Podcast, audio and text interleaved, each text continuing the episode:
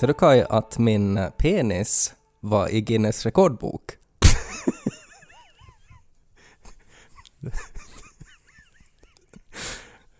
Det här kände jag inte till. No, det var ända tills bibliotekarien sa att jag måste ta ut den. Ja, det var roligt. Det är så sällan man hör nya skämt och jag tyckte att det där, det där skämtet var så pass bra så jag ville inleda med det idag. Jag tänker, finns Guinness rekordbok längre? Och är det någonting som folk känner till? Det var ju en sån här 80-tals, och också net, nu var den stor ända in på 2000-talet, men ändå, den hade väl kanske sin glansdag någon gång på 80-talet. Ja, När den var så här en, en obligatorisk julklapp i varje hem. jag tror ju nog att de som eh, jobbar med Guinness rekordbok, så de kan ju inte ha varit glada åt internet, tänker jag. Alltså att där, där måste ju nog ha länge varit liksom diskussioner kring att, att vi kommer ju att bli utan jobb. Alltså för folk kan ju bara googla nu. Ja, det var ju inte bara eh, den redaktionen utan ska vi säga alla som arbetar med tryckt media var väl så här lite av den åsikten om internet, tror jag. Mm. Eh, men visst, Guinness rekordbok är ju så här, för det var ju information som, man, som, som var omöjlig att få tag på annanstans. Uh, och, uh, men idag så är det ju kanske inte då lika uh, spännande då att... för att vill man veta hur lång världens längsta penis är så är det ju bara att googla. Att det var ju till Guinness rekordbok man var tvungen att gå för. Det måste ju också ha varit väldigt lätt så här, alltså för att den är ju... eh, alltså lands icke-specifik. Eller vad ska jag säga? Alltså att den går att översätta till alla språk, den går hem över hela världen. Och layouten åtminstone ännu då 80-90-talet så var väldigt simpel och så här. Så det, det var ju en kassako.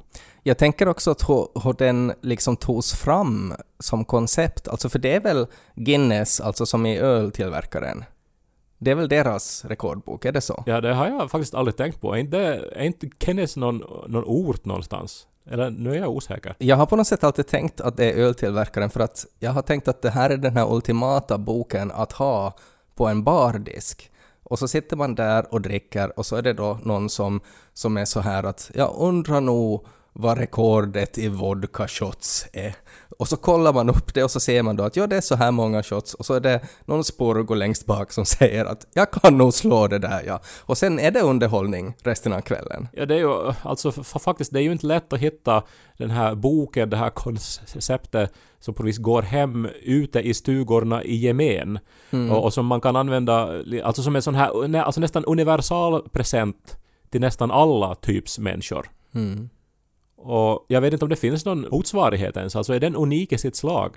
Jag vet att det fanns en sån här bokserie som hette Tro det om du vill, som egentligen var då en sorts uh, kopia av Kenneths rekordbok, bara att den här titeln på något vis inbegrep ju att, att det kanske inte var sant det som stod där. Men skulle man kunna, alltså man tänker om man ska uppdatera Guinness rekordbok till en modern tid, alltså för att mycket idag handlar ju om, om individen och det här personliga och det är den här enskilda influencern man är intresserad av. Att skulle man istället för att kunna ha liksom Guinness rekordbok som är så här allmänt internationellt, att skulle man kunna ha liksom Ted Forsströms rekordbok och så skulle det bara stå liksom mina rekord i olika saker. Att om man är intresserad av att vara bättre än Ted Forsström så då köper man Ted Forsströms rekordbok och så ser man att han kan bara göra två push-ups.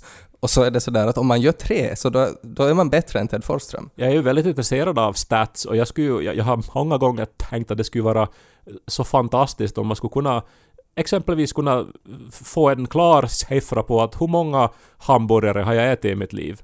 Eh, hur många gånger har jag borstat tänderna? Hur många gånger Eh, hur mycket pengar har jag använt allt som allt och sånt här? Ja, att det skulle vara liksom på något sätt staten som upprätthåller den här informationen och så på sin dödsbädd eller på begravningen så kommer någon representant från något tryckeri och delar ut Kai Korkeahos rekordbok åt alla på begravningen och där står det då exakt dina rekord. Så här många hamburgare, så här många technofester och så vidare. Och så blir det en så här intressant att diskutera då på begravningskaffet. Nu skulle det ju vara alltså så här just att man sitter och läser det tillsammans och, och så, så här småskrattar. Är det som på bröllop har man ju ofta såna här häften på bordet med fakta om brudparet. Men så skulle det finnas alltså, alltså reda, alltså siffror kring Kai Korkeahos levda liv. Ja, Jag associerar här nu också genast till Saltaren, alltså, eh, alltså Bibeln. För det står ju att Gud... är Saltaren, är, är det liksom Bibelns motsvarighet till Guinness rekordbok? det, det, men där står att Gud vet exakt hur många hårstrån det finns på ditt huvud. Och så här. Så att jag menar, Gud har ju den här faktan. Jesu rekordbok. Ted Forsström edition. Purmu puut popna Popnu Lys på Ted och Kai Nu när vi är lite inne på sådana här personliga produkter och sånt där, så jag var med eh, en kompis häromdagen och så bjöd han på Måns Zelmerlöws officiella kava. Och, och så började vi prata om det, att tydligen så är det, jag, jag är inte så jätteaktiv i, i liksom influencer. Har du alltså, för, alltså förlåt nu, men jag- alltså har du fler homokompisar? För, för det har jag inte vetat i så fall. Nej, det var, då, då, det var liksom ett, ett heterosexuellt par nog som jag umgicks med. Som bjöd på Måns Zelmerlöws kava. Men de kan ju ha Ja. fått det av Ja, någon... jag tycker bara det, det är otroligt intressant. Ja, alltså, de är stora fans av Melodifestivalen. uh, just saying. Nå i alla fall, så jag förstod inte då alltså att det här är liksom en stor grej i influencervärlden, alltså det här med att ha egna vingårdar och, och producera liksom alkohol. Och så slog det mig, varför har inte Kai Korkiaho startat ett eget vin? Varför har du Jaha. inte köpt alltså en, eh, alltså en custom made vin med ditt namn? Det skulle ju vara helt perfekt. Och sen skulle du kunna koppla ihop det här med dina böcker, insåg jag. Du kan ge ut ett vin som skulle kunna heta Röda vinet, till exempel. Eller Onda vinet.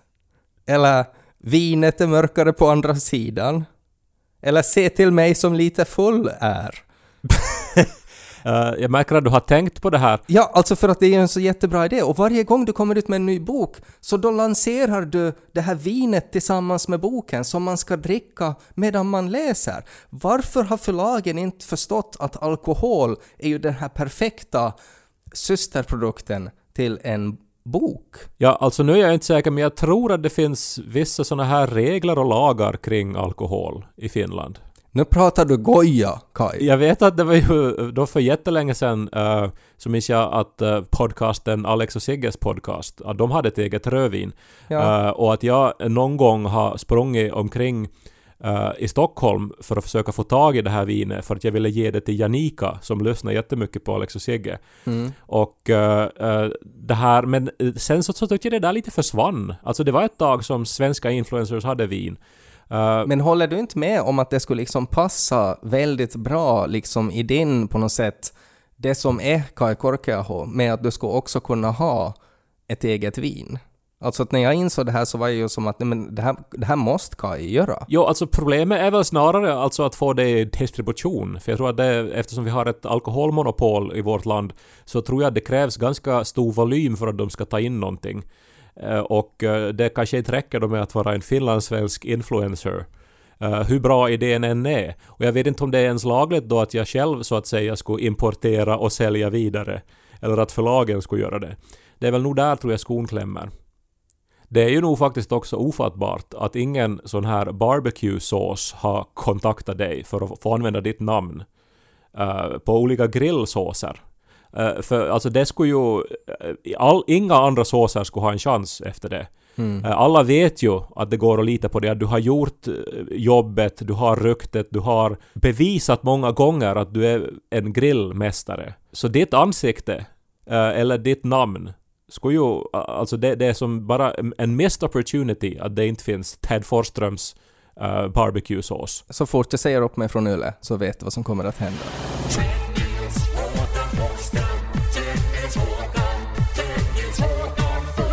Jag blev ju opererad i torsdags. Så det är fem dagar sen nu när vi bandar det här. Och uh, mår bra. Eh, armen är i en mitella och kommer att vara så nu i eh, Eh, en månad ungefär. Och eh, jag har inte så värst ont ens längre. Några nätter så var, det, så var det svårt att sova och så här. Men nu håller det på att stabiliseras och eh, Niko hjälper mig med det mesta och allt går bra. Du har blivit opererad någon gång, visst, visst var det så? För galla eller något sånt här som inte alls har att göra med levnadsvanor och grillsåser och sånt. Nej, de tog ut min galla för att den var besvärlig. Det, det var nog inte lika stort som att någon skär upp axeln. Ja, no, axeln är ju den mest rörliga eh, och mångsidiga leden i eh, hela kroppen. Och den är väldigt komplicerad. Så jag gick ju till en expert på axeln då. Och uh, så pokade han in mig då för operation. Uh, helt liksom dagen efter. För det var bråttom sa han. Och det här skulle inte läkas utan operation. Och jag hade ju aldrig blivit opererad tidigare så jag, jag var ju ganska nervös.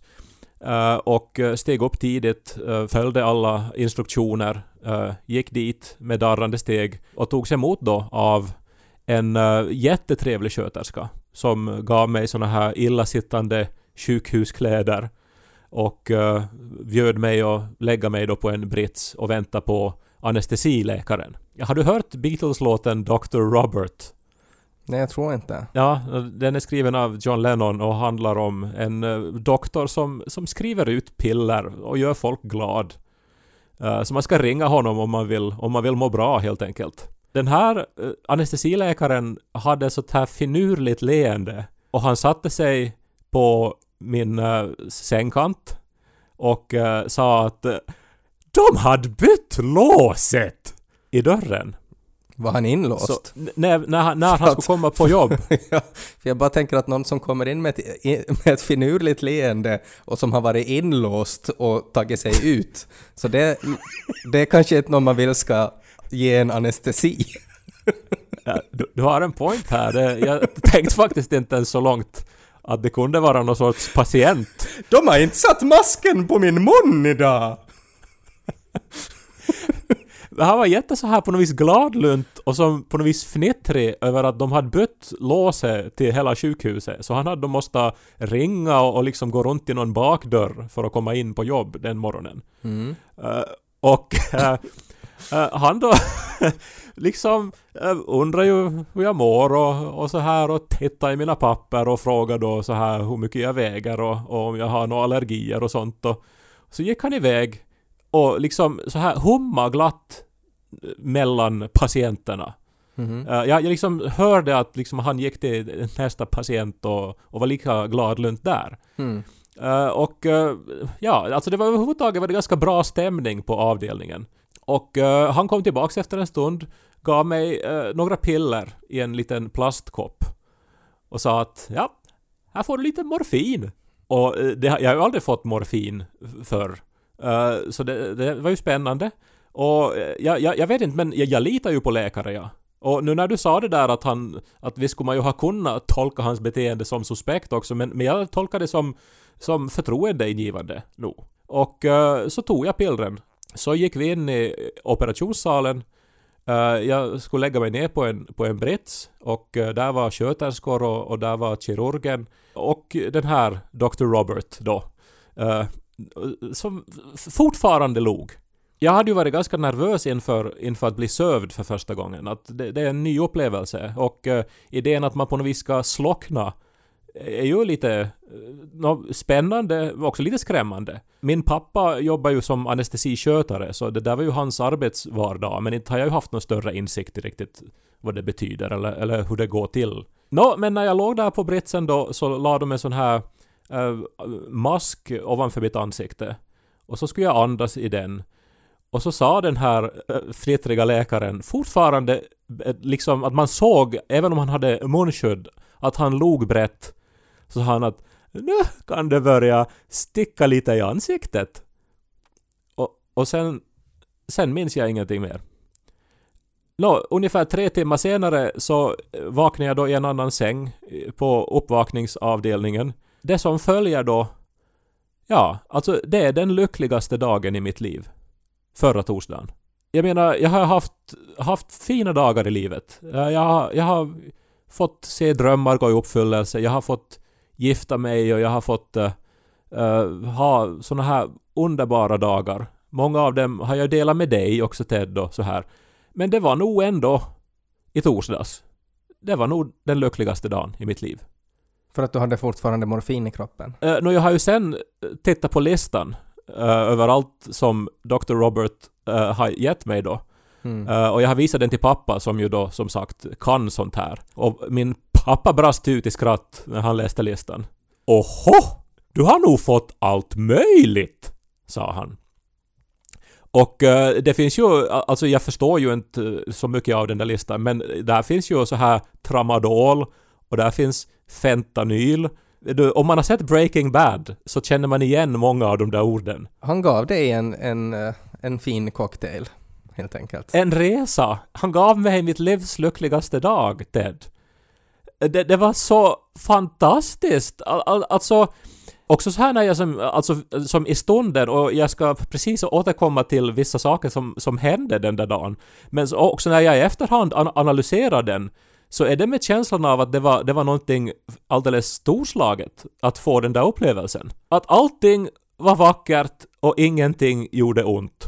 Som ju uh, Kurt Vonnegut skriver i Slaughterhouse 5. Everything was beautiful and nothing hurt. Och, och det var inte en känsla av att vara någon annan, eller av att vara hög, eller av att vara dåsig. Det var bara som att vara nöjd och förälskad i allt. I, I världen, i alla människor, i mig själv. Och att allt som på något sätt kan tänkas upplevas obehagligt. Och nu menar jag inte, alltså förstås, jag hade ingen smärta överhuvudtaget. Men inte bara det, utan alltså du, du vet att man kan till exempel uppleva att kläder stramar åt eller någonting. Eller att uh, huden känns lite torr. Alltså, det är ju inte smärta vi talar om då. Men inte ens det kändes. Alltså ingenting som kan liksom ens påminnas om att vet du, vara obehagligt eller, eller, eller trist. Allt var bara så här underbart. Och, och, och, och jag då, det första jag gjorde när jag vaknade till på avdelningen var att jag började recensera på finska. Jaha. Alla i rummet. Och jag började då dela ut kärnor. Och alla fick toppbetyg. och jag liksom, alla som gick förbi mig, jag var ännu så här att jag som såg dem lite så här dubbelt och jag var nog medveten om att alltså nu är jag nog, nu är jag nog lite yr i huvudet ännu men, men du, du fick, fick full poäng för din insats. Du är en underbar människa. Och jag är så glad att just du var här idag. Och, och så här höll jag på. Och eh, så liksom eh, försökte jag eh, ta det här, min telefon och försökte eh, skriva meddelandet till, till Niko eh, och eh, jag, alltså min minnesbild är att det inte går. Men sedan så, så hittade jag då en, en, en riktigt hemsk selfie där, där jag ser ut som att jag har varit i någon sorts storm. Alltså, och, och att jag ler vet du, som helt så här crazy. Alltså, som, ja. alltså det här är inte en människa som är, som, som är riktigt vid sina sinnesfulla bruk. Så det, det, nutty professor är jag där. Uh, och sen har jag skrivit då att allting är bäst och tre hjärtan. Det är jätteroligt alltså. Ett sånt budskap i kombination med en bild där någon ser helt galen ut. Alltså för att det är ju som att kidnapparna har skrivit den raden. Men det var, det var, det var alltså eh, liksom inte bara då att jag eh, var, var liksom eh, att jag mådde bra och, och liksom inte hade någonting överhuvudtaget som var negativt i livet. Men att jag har också så här omedvetet uppenbarligen gjort Uh, alltså uttryckt den här kärleken och, och den här mm. stora glädjen över livet. Mm. Och liksom, uh, det, det, blev sen då, jag blev serverad frukost och uh, det var den godaste till frukost jag någonsin då har, har liksom ätit och jag sa det då till allihopa, det här kaffet är liksom, det här är perfekt, det är som, det finns ingenting i världen som klår den här kaffekoppen. Mm. Att det, den är, den är liksom 10 av 10. Mm. Och jag låg där då i den här uppvakningssalen då i kanske tre timmar och eh, sen så kom Niko och eh, hämtade mig. Och jag har ju aldrig älskat honom så, så mycket som jag gjorde då. Och aldrig liksom älskat livet så mycket som jag gjorde då. Det första jag gjorde när jag kom ut så sprang jag och köpte isonumero. Och jag var så här att jag pekade på allting Eh, eh, och, och, och, och var som ivrig, vet du, som ett barn eh, är ivrig över världen. Och det höll i sig precis hela dagen. Alltså jag, jag, jag, jag liksom ringde till mina föräldrar och jag bara liksom skrattade och var, var liksom lycklig. Jag, jag pratade med dig i telefon också och var väldigt lycklig över allt som hade hänt och... Jag messade ju åt Niko och frågade om allt hade gått bra och så fick jag som svar av honom att, att, jo, att, att allt har gått bra, att Kai är på, på bra humör han är på jättebra humör. Men det var, det var, det var, alltså det var jättebra. Allting var bara jättebra. Men också jättekonstigt. Sen så visade det sig, alltså det går ju att se sen liksom märken på vad man har hållit på med. Till exempel märkte jag att jag har alltså lyssnat, enligt Spotify så har jag lyssnat på Deep Purple i en timme. uh, där på uppvakningsavdelningen. Och jag, jag, jag lyssnar inte på Deep Purple i vanliga fall, men jag måste ju ha haft något behov av den här, den här energin liksom. Uh, och uh, sen, sen så, så visade det sig uh, och, och det här är faktiskt, jag, jag, vet inte vad det här säger om mig, men alltså från uppvakningsavdelningen så har jag ringt till skattebyrån och, och krävt att få tala med en expert. Jaha. Och jag, jag, jag minns inte varför. Uh, jag minns inte ens det här samtalet innan då jag får ett samtal från skattebyrån och den här experten. Det, det är en stor förvirring men jag är ju som jättelycklig bara och som upplever att det här är ju som jättelustigt bara.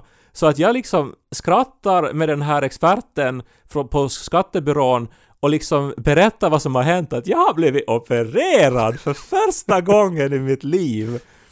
Och jag har mått jättebra idag. Och det visar sig nog då att jag, alltså, alltså jag har haft som ett ärende, alltså det är ett sånt här öppet ärende jag har med skattebyrån, Nå någonting med någon information som de behöver. Mm. Och som jag nu då tydligen då uh, har, i min stora glädje på uppvakningsavdelningen så har jag bestämt mig för att jag nu ska lösa det här. Mm. Men det klarar jag ju inte av att göra den dagen förstås. Så att jag bara berättar för den här experten då vad som har hänt och sen så säger jag att jag ska återkomma. Och jag vet inte vad det säger om mig då som människa att när jag är som mest lycklig och som mest kanske dåsig då så då börjar jag ta itu med skatteärenden. Det, det är ju... Eh, låter ju som en byråkrat av rang om vi säger så. Ja, eller så, så helt enkelt att du upplever att nej, men nu har du så hög resiliens och så stor glädje till världen så att nu kan du prata med skattebyrån. Ja, och att faktiskt inte ens byråkrati i sin renaste form lyckas rubba min lycka den dagen.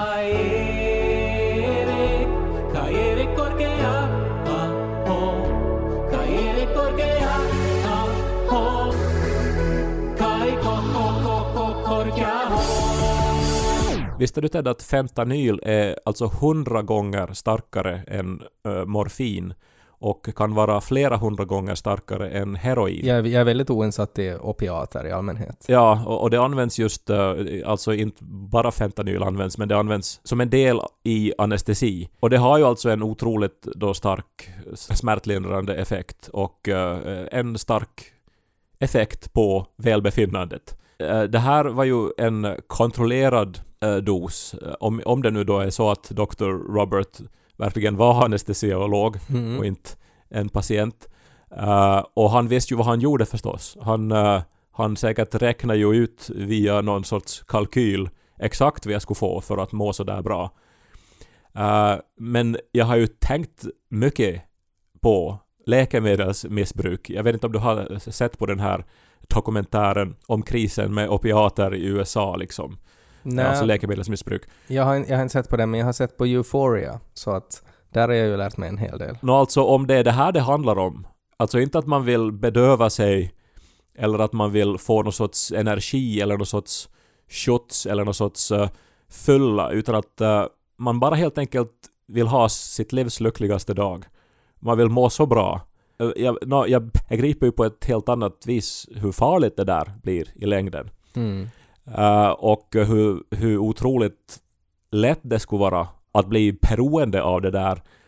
Speciellt om det är så att man inte annars i livet kanske då har eh, så, så mycket annat som ger en lycka. Och om man har svår smärta, alltså som är kronisk, och andra olika problem som, som den där cocktailen bevisligen då eh, gav stark lindring från. Sen är det ju också att om jag har förstått det rätt så är det väl så att om man använder sig regelbundet av sånt där så blir ju kroppen också van med att man behöver det där för att överhuvudtaget känna någonting. Så att de här vanliga känslorna blir, alltså vanliga känslor av glädje blir också svårare och svårare att uppnå. Ja, all, allt det där och nu har jag ju aldrig använt heroin, eh, men det, det, är ju en sån här klassisk eh, sägning om heroin att, att en heroinmissbrukare försöker ju alltid uppnå den där känslan av den första gången man använder heroin och det som inte går att uppnå den. Och därför så ökar man på dosen och, och uh, hamnar djupare och djupare liksom i missbruket. Och nu är ju förstås drogmissbruk något helt annat än anestesi och så vidare. Men ändå, den där insikten och erfarenheten av hur bra det känns med opiater i systemet, så är något jag kommer att bära med mig eh, för alltid. Som ett mycket positivt minne faktiskt då. Uh, sen är det ju en, en, en idé, och de borde ju verkligen göra det här. När de skickar ut de här förhandsifyllda skattedeklarationsförslagen så borde de ju skicka med en liten plastburk med piller som människor skulle kunna ta när de ska då göra sin skattedeklaration. Det skulle inspirera, det skulle motivera, det skulle vara roligare och lättare att ta reda på saker och liksom göra rätt för sig, betala alla förskottsskatter som finns och i förlängden kanske det skulle stärka demokratin. Det kan hända att man borde utöka resurserna till um, telefonlinjen. För att det är alltså sådär att om du vill ha service på svenska, tryck 2, vill ha service på, på något annat språk, tryck 3 och så skulle det kunna vara att är det så att du just nu äh, ligger i uppvakningen och har fått en massa morfin och bara vill prata med någon, tryck på 5. Det skulle bara vara kärlek på den linjen. Dedokai,